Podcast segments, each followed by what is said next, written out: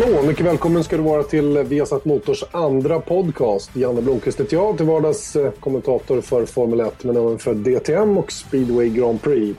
Mycket som pågår den här helgen förstås med MotoGP och annat, men eh, vi ska innan vi går in på vår ordinarie podcast som vi faktiskt spelade in redan igår komma med en liten extra nyhet då, som dök upp nu på morgonen, nämligen det faktum att Lewis Hamilton lämnar McLaren och eh, byter till Mercedes.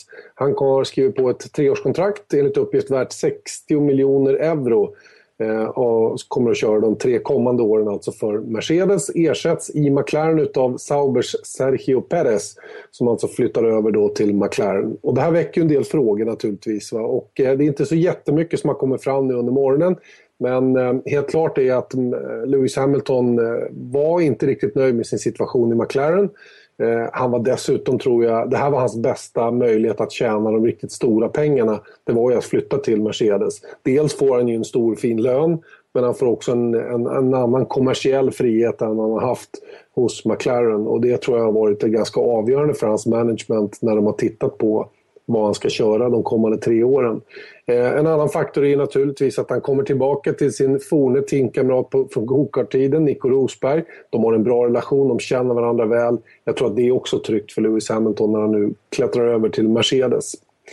Eh, det om detta. Eh, Sergio Perez då, många höjde på ögonbrynen och sa att ja men vadå, tillhör inte han Ferrari? Jo det har han ju gjort i deras Young Driver-program eh, då som Ferrari har haft. Och många har ju trott att han har varit liksom destinerad att, att köra Ferrari så småningom. Men vi hörde Luca de Montezemolo prata i, i veckan som var, eller för ett litet tag sedan, om att han inte tyckte att Perez var mogen och klar för den uppgiften att köra för Ferrari. Och det kan ju faktiskt vara så att Sergio Perez och hans management Eh, inte riktigt var sugna på att agera slav bakom Fernando Alonso då, vilket man i praktiken blir då, eller i alla fall tvåa.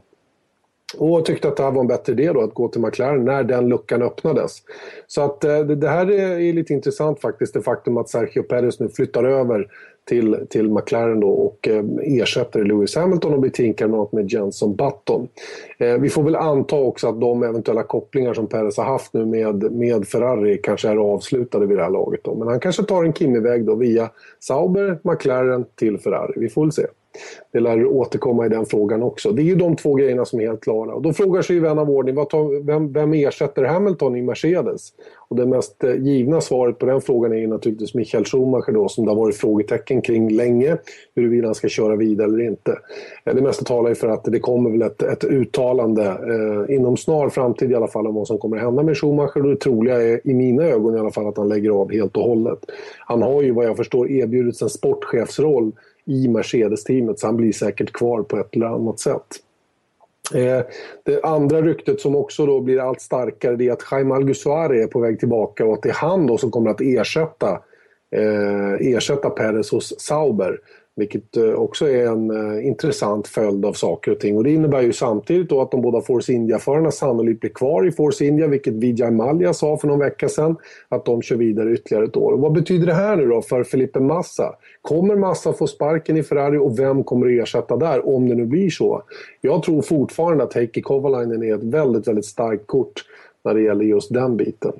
Alla de här bitarna kommer naturligtvis att, eh, att lösas upp här så småningom och allting kommer att fallas på, falla på plats eh, under de närmaste veckorna. Det är jag rätt säker på. Bollen är i alla fall i rullning, det kan vi konstatera. Och den stora nyheten idag är alltså att Lewis Hamilton lämnar McLaren och går till Mercedes, ett treårskontrakt. Och att ersättare i McLaren för Lewis Hamilton blir Sauber Sergio Perez. Det blir en intressant avslutning på den här säsongen. Lewis Hamiltons chanser att vinna VM minskar nog ganska drastiskt för nu kommer han inte att få några hemligheter presenterade för sig direkt. Utan nu blir det lite the enemy within som Martin Brandel uttryckte det på Twitter. Vi får väl se vad som kommer att hända framöver. Det här kommer självklart att avhandlas mycket mer noggrant då i nästa veckas podcast men också i samband med våra sändningar från Japans Grand Prix nästkommande helg. Nu återgår vi till ordinarie program. Hallå, mycket välkommen ska du vara till Viasat Motors andra podcast. Jättekul att vi kan fortsätta med detta. Nya grepp. Jag vet inte om vi är så moderna, men det är nytt för oss i alla fall att hålla på med dessa podcasts.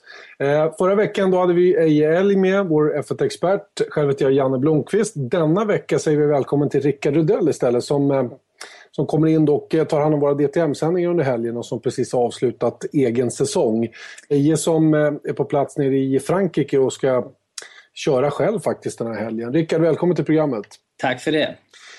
Eje L nere på Clermont-Ferrand kör med sin gamla 1977 års modell Chevron B38. Banan, är den bekant? Jag har varit och testat i närheten av Clermont-Ferrand men jag tror inte att det är den gamla ursprungliga banan som, som de kör det här historiska Formel 3-racet utan det var någon, någon helt annan bana. Den, jag vet att banslingan som Eje och de ska köra heter Charad. Och om det är bekant, jag vet inte. Vi tittade på någon bordfilm som vi hittade. Han lär ju lära sig att hitta runt. Så vi hjälptes åt med det förra helgen och eh, det såg väldigt fint ut. Det påminner som sagt lite grann om, eh, om Nordslingan på Nürburgring. Det måste vara kul att köra de här gamla bilarna också för honom. Mm, jag, jag, fick faktiskt möjlighet att se den eh, när han var nere och testade i Italien innan Italiens Grand Prix och eh, han har farten i kroppen fortfarande, den gamle mannen. Går aldrig ur? Det gör väl inte det. Eh, hörni, vi, vi ska inte sitta och prata om EJL och hans eh, historiska racing, även om det är väldigt, väldigt kul. Vi kan ju häckla honom så mycket som möjligt nu när han inte lyssnar. Eh, istället kan vi väl eh, koncentrera oss lite grann på att snacka ner F1-loppet från Singapore senast. Eh, Singapores Grand Prix som eh, som bekant körs i nattmörkret där borta. Eh, nu blev det kanske inte så spännande som jag hade trott att det skulle bli. Mycket tack vare att däcken var ju så väldigt på marginalen och alla var oerhört försiktiga. Jag har tidigare under säsongen och tidigare sagt att jag tycker det är jättebra det som Pirelli har gjort och kommit in och verkligen kastat omkull allting och ändrat förutsättningarna. Men just i Singapore så blev det väldigt mycket på marginal och alla alla körde därefter, klokt nog naturligtvis. Vad, vad, vad tycker du om det här Rickard, att, att ja, det, så stor påverkan? Ja, men det har varit kul tycker jag här, den här säsongen, eller Formel 1 senaste säsongerna i och med att det har varit ganska svårt för teamen att veta och eh, mer omkörningar och Formel 1, titta på Formel 1 nu är ju grymt mycket roligare än för 5-7 år sedan. Eh, men det är klart att teamen har ju lärt sig med Pirelli-däcken, de, de har ju varit ganska svåra att eh, få, få ut hela livet, alltså få dem att räcka ett helt stint. Så att, eh, men nu har ju teamen börjat lära sig däcken och de är mer försiktiga och ingen vill ju göra misstaget att överköra däcken så att de sen är 3-4 sekunder per varv långsammare i slutet av stinten. Så att alla är lite mer försiktiga och har lärt sig. Kan det bli för mycket av just tire management tycker du? Att, att förarna måste vara så försiktiga? För jag, menar, jag kan tänka mig att man i vissa perioder under loppet kör alltså bilen fem sekunder långsammare än vad det egentligen skulle kunna gå. Ja, det är väl lite mycket kanske, men å andra sidan så tidigare när, när man, om man gör däck som håller väl, för bra, då, då kan alla köra för fullt. Eh, och nu, nu, eh, tack vare att man inte tankar utan man har full, full bensin och ganska mycket vikt i bilen så är det ju svårare att få däcken att hålla också. Så att, eh, jag tycker nog att det är ändå mer positivt än negativt att det är problem att få däcken att hålla. Mm. Och man ser över en hel säsong så har det faktiskt funkat väldigt, väldigt bra. Faktum är att på, på Monza var det ju tvärtom. Där var det ju att däcken höll på att slitas ner, alltså rent fysiskt snarare än att de tappade i tid. Och det har ju inte varit något problem för Pirelli hittills under säsongen och det är ju för att man kanske hade lite för hårda däck med sig till Monza. De hade ju dessutom gått upp ett snäpp.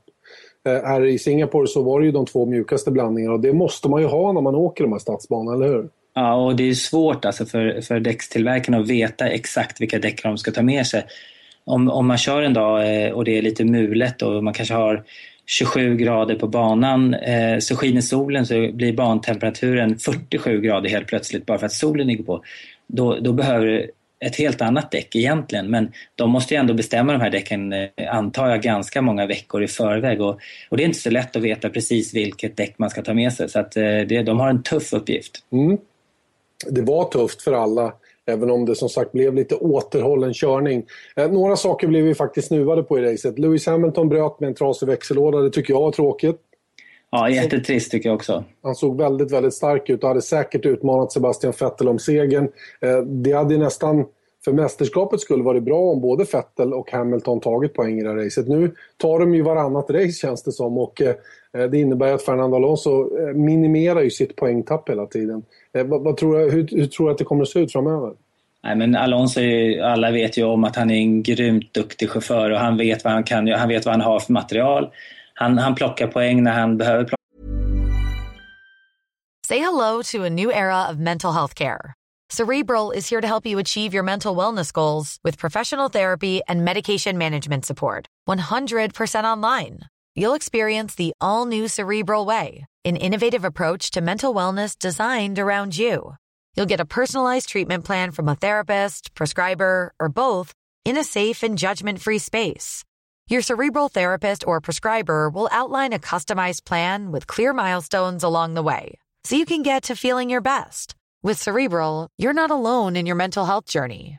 We're here to empower you to live a fulfilling life. So take that first step towards a brighter future and sign up today at cerebral.com slash podcast and use code ACasts to get 15% off your first month. Offer only valid on monthly plans. Other exclusions may apply. Offer ends July 31st, 2024. See site for details. Ryan Reynolds here from Mint Mobile. With the price of just about everything going up during inflation, we thought we'd bring our prices down. So to help us, we brought in a reverse auctioneer, which is apparently a thing. Mint Mobile unlimited premium wireless. Ready to get 30, 30, bit to get 30, bit to get 20, 20, 20, bit to get 20, 20, bit to get 15, 15, 15, 15 just 15 bucks a month.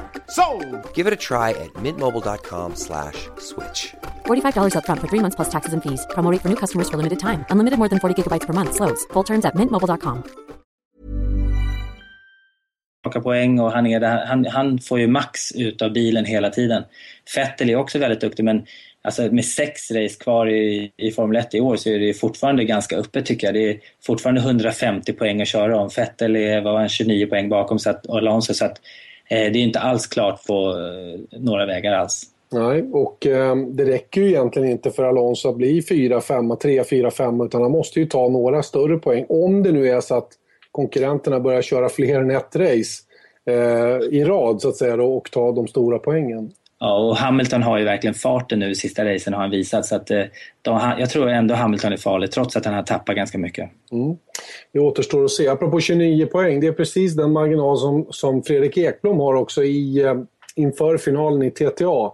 Eh, precis den marginalen som, som, som räcker för att mästerskapet också ska leva. För det är maximalt 29 poäng man kan ta under en helg. Men då måste man ta pole, man måste ha snabbaste varv och så vidare. Och eh, det blir en tuff uppgift för Linus Olsson som är två att försöka göra någonting åt Fredrik Ekblom.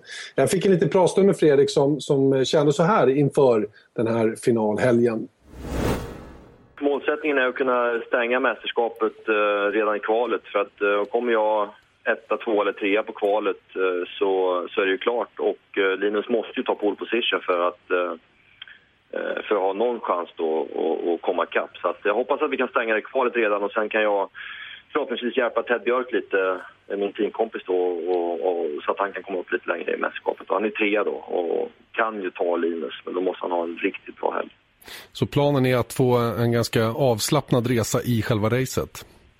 Ja, jag hoppas det. Göteborg är ju en, en, en tajt och eh, eh, ja, svår bana. Det ser ut som det ska regna lite också. Så att, eh, det är lätt att man sätter bilen i räcket och, och det blir problem och så, och så vidare. Då. Så det är klart att man vill gärna avgöra det där innan. Du blev ju varse att det kan vara lite tufft där i Göteborg senast ni var på besök. Ja, absolut. Jag menar, eh, vi kom en tre, fyra varv då. Sen hade jag en sammanstötning med en, en konkurrent och snurra och var, och, och var sist helt plötsligt. Då. Och, sen så, eh, och då var det bara att kasta handskarna och, och ge allt som fanns då. Så jag lyckades få med mig en femteplats faktiskt. Eh, vilket är mitt sämsta resultat för året. Men, men det var ändå ett väldigt bra race för min del eftersom det var mycket omkörningar och ett bra race. Hur ser du på, på säsongen som har varit den här första TTA-säsongen? Hur, hur, tycker du att det har gått? Som förväntat eller bättre eller sämre? Ja, för, för, mig, för mig personligen så har det varit en fantastisk säsong. Det har varit oerhört motiverande att köra, köra de här bilarna och uh, åka från helg till helg och ha samma chans att vinna tävlingar som man hade föregående helg. Då. Jag har inte fått några extra blyvikter eller eller så för varken vinster eller för mästerskapsställningar då, som det har varit förr om åren. Så det har varit jävligt eh, kul och bilen är rolig att köra och, och ja, det har varit positivt rakt igenom. Är du förvånad över vilka som har varit närmast dig i mästerskapet konkurrensmässigt? Tänker främst ja, på Linus. Ja, absolut. Ja, jag är jätteförvånad över det. Och i, i, i årets början så, så eh, hade jag ju några andra namn på, på, på näthinnan.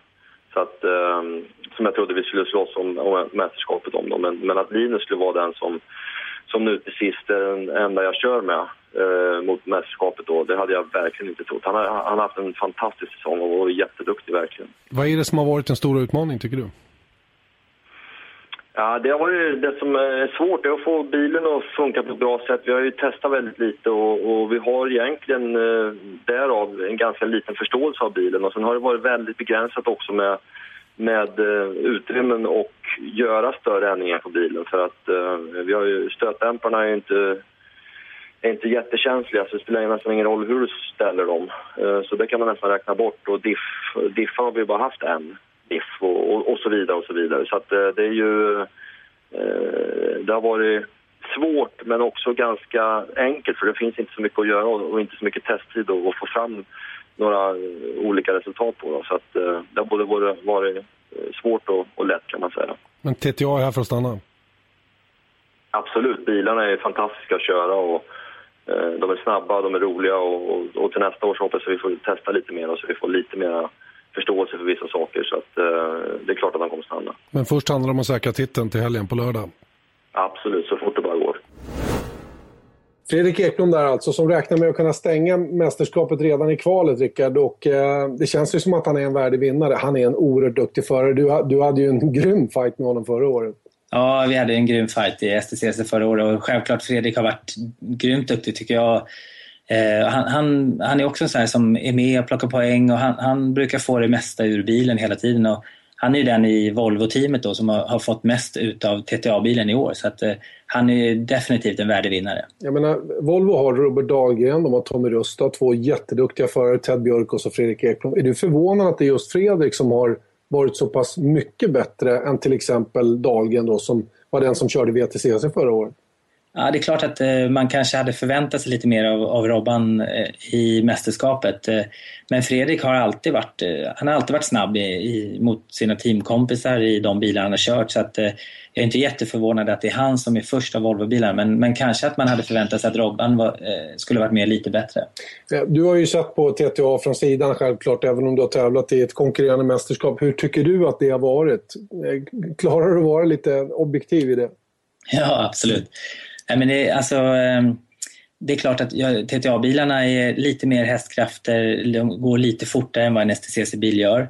Och kanske då lite mer utmaning och tuffare att köra än en STCC-bil som är framhjulsdriven med lite lägre hästkrafter. Men eh, samtidigt tycker jag inte racingen har varit riktigt lika bra som i Touring Cars i STCC. Men eh, eh, det är bra nu i alla fall tycker jag att man har snackat ihop sig, både TTA och STCC har insett att det är inte bra för svensk racing att vi har haft ett krig i, eh, mellan de här serierna. Eh, mantrat som man hör från TTA det är ju hela tiden ja men vi får köra, vi, inga vikter, ingenting, vi är verkligen den snabbaste killen som vinner och eh, det hörde vi även Fredrik prata om i intervjun här. Eh, du själv råkade ju ut för motsatsen kan man ju säga då när, när eh, det skulle avgöras på Solvalla här i STCC. Är det knäckfrågan så att säga, det här med att, att balansera upp eh, ett touringcar-reglemente så att alla verkligen kör med samma förutsättningar hela tiden? Alltså, ja, det är inte lätt, eh, men eh, alltså, det har ju funkat förut bra. Och jag tycker att när man hade förarstraffvikter där föraren varit straffad, det tycker jag är helt fel. Och det har man ju tagit bort sedan några år tillbaka. Man har fortfarande vikter mellan bilarna och Eh, försöker då få bilarna likvärdiga i STCC. Och det är klart att man kan vara kritisk till det och, och det optimala reglementet tycker jag också absolut att det ska vara helt utan vikter utan man, man ger förutsättningarna för teamen och importörerna, tillverkarna och så kör man efter de förutsättningarna. Det är klart att det är det bästa. Men går det verkligen med tanke på att en del vill promota en, en, en liten bil med kort hjulbas och med framhjulsdrift och en vill ha bakhjulsdrift och lite större hjulbas. För till syvende och sist är det ju biltillverkare som vill sälja en viss typ av modell. Och eh, då är det ju svårt att få dem exakt likvärdiga, eller hur? Alltså, absolut, helt rätt. Men jag tror att eh, NGTC i England eh, som man kör i BTCC på sikt kan, skulle kunna eh, klara av det. Eh, där man har samma framvagnsupphängning, samma bakvagnsupphängning eh, och sen så har man vissa förutsättningar som gör att mot motorerna är väldigt likvärdiga. Dock är det varje importör gör sin egen motor. Mm. Men, eh, men det, är så, det är klart att det inte är så lätt men med dem, om man, har, man behöver, det finns väldigt mycket delar på en bil som inte behöver vara unika som, som kan göra då att det blir kanske billigare drift som bromsar och framvagnsupphängning, bakvagnsupphängning och, och annat. Men så kan man kanske ändå behålla då det originalchassit från den bilen. Men, men då behöver man också köra de bilarna i vindtunnel, kolla att det inte är någon som har en fördel mot en annan. Och, eh, jag, jag, tror att det, det går, men självklart är det inte lätt. Nej. Um, hur är det, är de bakhjulsdrivna också, NGTC, alla bilarna? Nej, de kör framhjulsdrivna. Framhjulsdrivet, okej. Okay. Eh, men är det, är det förarnas största önskemål att få köra en framhjulsdriven bil? Jag hör ofta tvärtom. Alltså det är klart att eh, jag har testat och kört mycket olika. Le Mans eh, 24 timmars, då kör man en bakhjulsdriven. Kanske sist som jag körde var Aston Martin med 600 hästar. Och mm.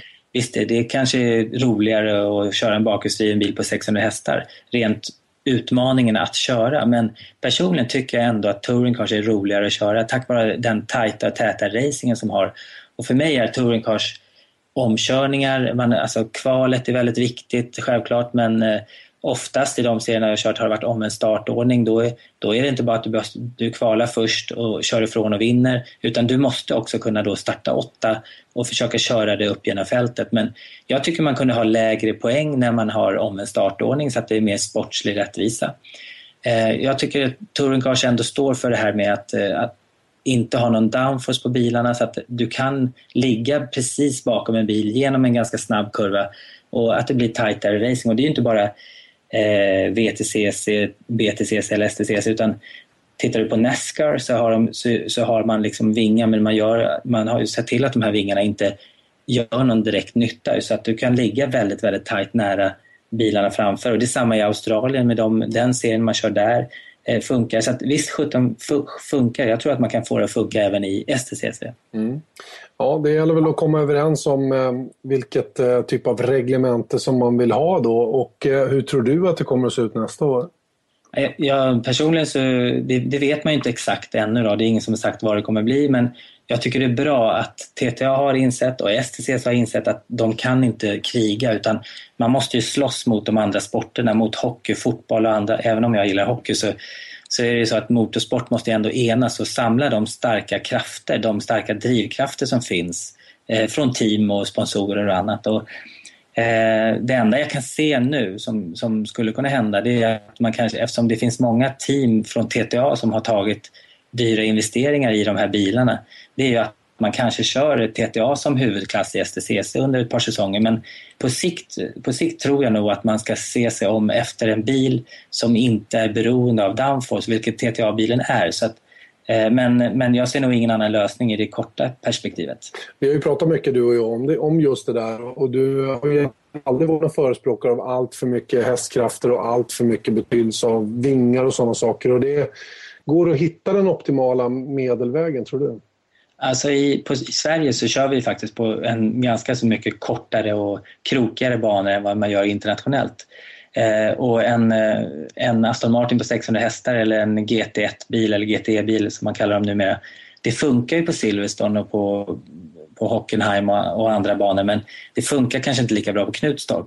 Och eh, de svenska banorna är ju gjorda så, så att kör du för starka bilar då, då, det, då, blir det mer en gummisnodseffekt. Så att när du går på gasen så får du en 10 meter lucka för han, bilen bakom kan ju inte gå på gasen samtidigt för han är fortfarande i kurvan. Eh, och när du kör sådana bilar så är det ganska så lätt att stänga så du behöver inte hålla ut spåret in i nästa kurva utan du kan gå ganska rakt in i kurvan, vända runt och sen gasa på igen. Så att jag tror att eh, de svenska banorna kräver inte allt för motorstarka bilar. Sen eh, är det klart att man kan köra GT-racing med starkare bilar också men racingen blir ju inte riktigt lika bra. Nej. Eh, och ditt ord väger tungt självklart. Massor med år i just Touringcar. Mästare i BTCC, du har provat på, du har vunnit Le Mans i GT-bil och så vidare. Du har provat på V8 Supercars. Jag menar, då måste ditt ord väga tungt i det avseendet. Vi får väl se vad som kommer att hända. Var, var sitter du i nästa år? Eh, det vet jag inte ännu. Jag, eh, jag körde eh, alltså, jag har haft 20, 21 säsonger utomlands, 20 säsonger för olika bilfabrikanter. Och sen har jag gjort två år i Sverige, det är förra, 2011 och 2012. Och jag känner att jag, det har varit jättekul. Det var jättekul att göra en comeback och köra hemma i Sverige. Men jag är inte så säker på att jag gör det nästa år. Jag kanske hittar på någonting annat. Men eh, eh jag har inte bestämt mig för att lägga hjälmen på hyllan ännu. Så att man får se. Jag får hålla dörren öppna fortfarande. Du får jobba med oss annars. Ja, det vore inte alls fel. Nej. Vi har satt Motor tar emot Rickard Rudell med öppna, öppna armar, ska jag väl säga. Härligt. Eh, Rickard, vi vilar dig en stund och vi anropar istället vår MotoGP-expert Niko Milovanovic som sitter med hörntänderna i bordsskivan och laddar inför morgondagens första träning ifrån Aragon i Spanien. Inte så himla långt ifrån Barcelona, men en bit därifrån och i, precis ingenstans. Den här banan ligger verkligen i ödemarken, men det är en väldigt, väldigt fin bana. Vad, vad tycker du om den? Ja, det är en helt fantastisk anläggning och jag tycker det är kul att eh, eh, ja, de fortsätter att producera och tillverka de här nya fräscha banorna som har ja, jag måste säga det, helt sjuka sträckningar med upp och ner och kilometerlånga raksträckor, enorma toppfarter, hårda inbromsningar. Den här banan har allt. Den är så cool den bara kan bli helt enkelt. Mm.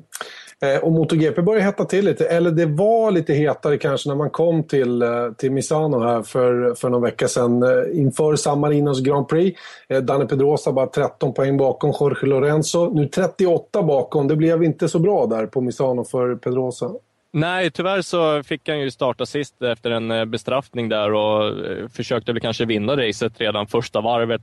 Vart omkullkörd av Hector Barbera Eh, in i kurva 8 och tappade hela ja, jag tappade kontakten med Lorenzo helt enkelt. Men frågan är om det inte heter det nu. Det är som du säger, 38 poäng upp. Och han vet vad som krävs nu för att kunna hämta hem det här. Å andra sidan, vi har ju en oerhört rutinerad Lorenzo där framme då, som vet också vad som gäller och anpassar sin körning efter det. Han är ju säkerheten själv. Han kan ju eh, ro hem det här egentligen hur lätt som helst genom att bara eh, ligga och köra i sitt tempo och ta stabila pallplatser som han har gjort hela säsongen. Eh, förutom då Assen han varit omkullkörd. Men det ska mycket till för att Pedrosa ska upp och kunna utmana Lorenzo om titeln nu, men det är långt ifrån avgjort. Um det är ju fem tävlingar kvar och eh, 38 poäng fram som sagt. Eh, det känns som att eh, Lorenzo har kopplat greppet lite grann. Eh, det som var kul senast ändå på, i, på Misano i San Marino, det var ju ändå eh, Valentino Rossi. Alla har ju gått och väntat på den där pallplatsen i, i torrt väglag och med rätt förutsättningar. Visserligen fanns det några som försvann då som egentligen skulle ha varit med där framme men oavsett det så är en, en pallplats för, för Valentino Rossi här, den är oerhört viktig för honom. Ja, speciellt som du säger här i, i det torra. Och racing är racing, vad som helst kan hända, men det, det spelar ingen roll vad som händer på vägen, utan det är slutresultatet som räknas. Och den körningen som Valentino Rossi bjöd på där när han kör ifrån eh, Dovizioso, han kör ifrån eh, eh ja, vilka var det där nu egentligen? Ja, Bautista. Ja, Crutchlow gick omkull där, men han, även han var bakom. Nej, men det var ju helt fantastisk körning enormt stöd ifrån hemmapubliken och sen såklart Marco Simoncelli i tankarna som eh, eh vi tyvärr eh, förlorade 2011. Han var ju definitivt med där i tanken och drog eh, Valentino Rossi framåt. Var det något specifikt som var gjort på Ducatin för att det här lyckades extra bra just på, på Misano? Eh, ja, de har ju hållit på att mecka där fram och tillbaka under hela eh, säsongen, eller i två år nu.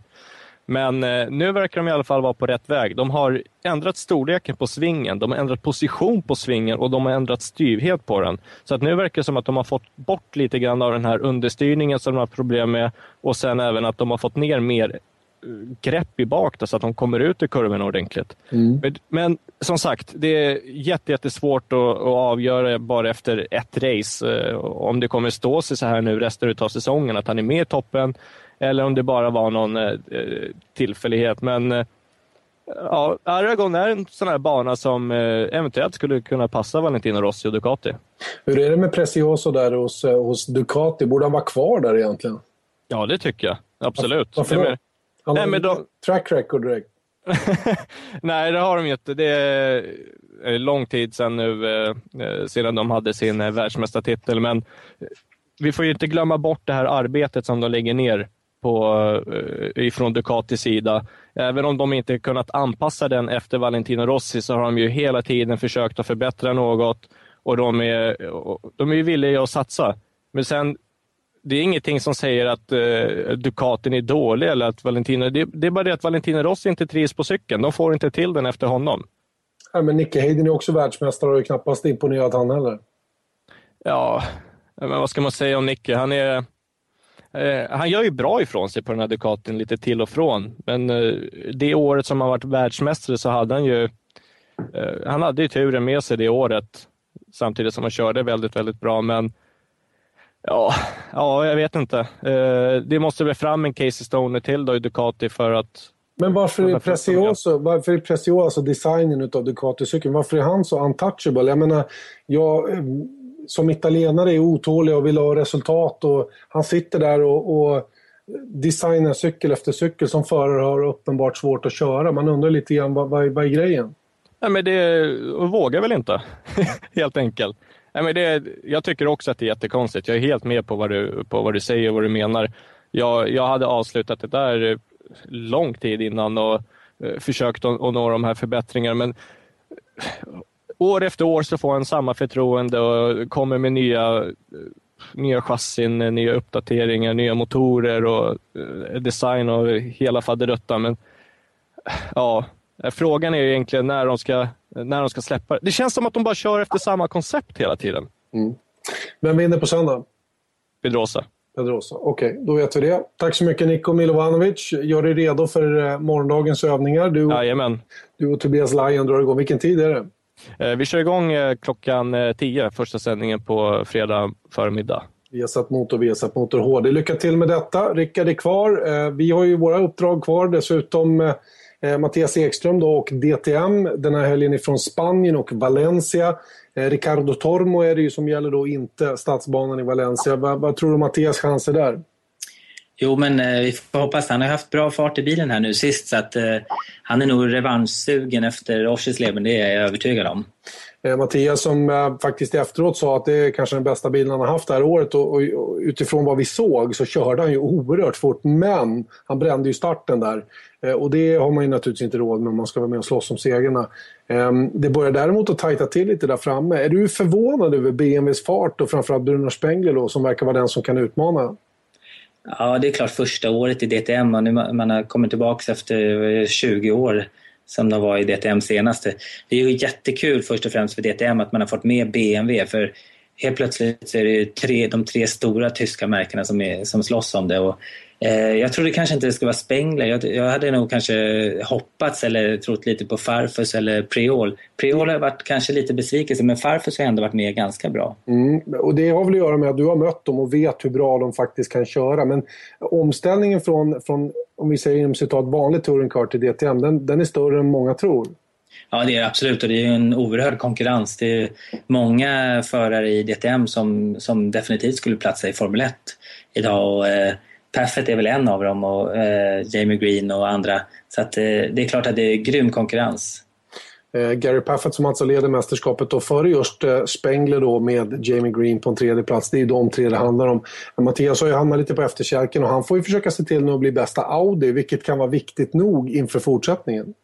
Ja, definitivt. Men Mattias har visat, tycker jag, ändå på kval och annat. Han, han är väl den som kanske är snabbast när, när han känner att han får till det. Men han har ju inte varit nöjd med bilen i år och därför har ju flera andra Audi-förare varit snabbare vid till, olika tillfällen. Då. Men eh, jag tror ändå att, jag tror att Audi håller Mattias väldigt högt och att han fort, kommer att fortsätta vara kanske deras första förare även nästa år. Mm. Eh, vi får hoppas att förarna hanterar det som händer på Ricardo Tormo som har fått lite ny beläggning faktiskt här och där. Det har ju varit lite si och så med eh, konsekventheten så att säga då i, i banans greppnivå. När, det kunde ju räcka med några moln över banan bara så hade man svårt att, att matcha eh, tiderna som gjordes när solen låg och gassade på. Eh, jag tror det är bra om man kan få till det där och få banan lite jämnare i det avseendet. Hur som helst, DTM kval 13.35 på lördag och eh, racet, sändningen startar 13.45 på söndag. Båda de sändningarna i TV10. Eh, och sen har vi då inte minst eh, F3 Euro Series då, som också går in i sina två sista helger. Dels på Valencia och sen finalen då på Hockenheim. Och där har vi Felix Rosenqvist men också Tom Blomqvist. Eh, Felix som fick en liten pratstund med och hans känslor inför den här helgen i Spanien. Ja, de var så här. Jag tycker det finns ganska goda chanser ändå att komma topp tre i mästerskapet. Det är bara ungefär 20 poäng bort. Jag kan inte exakt, men ungefär 20 poäng bort. Och Alltså rent tekniskt skulle det lika väl kunna vara redan efter första racet skulle man kunna ligga tvåa i mästerskapet. Fast det, jag tycker det känns ganska positivt. Sen Valencia en bana som jag alltid har varit relativt snabb på.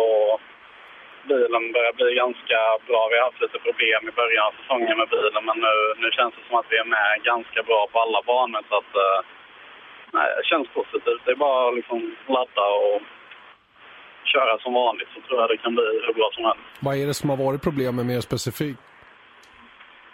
Eh, vi har väl inte riktigt fått ordning på, som vanligt, då, däcken som är det stora, ja, inom all sorts racing, det stora grejen liksom man måste ha koll på. Det var ju nya däck. Vi gick ifrån eh, Kumho till Hankook i år. i mästerskapet och de är lite svåra att få ordning på. Men nu känns det som att vi, som att vi faktiskt har rätt bra koll efter lite tester och efter lite för lång tid faktiskt tyvärr. Men äh, bättre sent än aldrig. Farten har ju funnits där egentligen hela tiden då. Du har ju haft eh, lägen många gånger. Sen har det av olika anledningar inte funkat då. Är du förvånad över vilka som du har haft runt omkring dig eller är det de förväntade som är med där framme? Jag tycker egentligen det är de som, som man trodde skulle vara med som är med. Det är Junkadella såklart som kör för tredje året och sen Prema-bilarna framförallt då, som har varit starka från början egentligen. Och det är väl de som har varit svåra att slå hela tiden. Vi, det känns som att vi i mycket-teamet har fått jobba lite extra hårt på att vara lika snabba som dem. Så nej, det känns väl så som man trodde. Men sen har det varit extremt mycket som har hänt hela tiden med alla egentligen. Som man, alla har gjort misstag hela tiden så att eh, det har varit ganska lätt att plocka upp. Om man kommit efter mästerskapet har det varit väldigt lätt att plocka upp poäng igen. Så det gäller bara att göra två felfria helger så tror jag det kan lösa sig rätt bra. Och sen undrar man ju lite grann om framtiden då. Efter den här, de här två helgerna som återstår då, då är, då är året slut. Eh, och åker du Macau igen? Vad händer sen?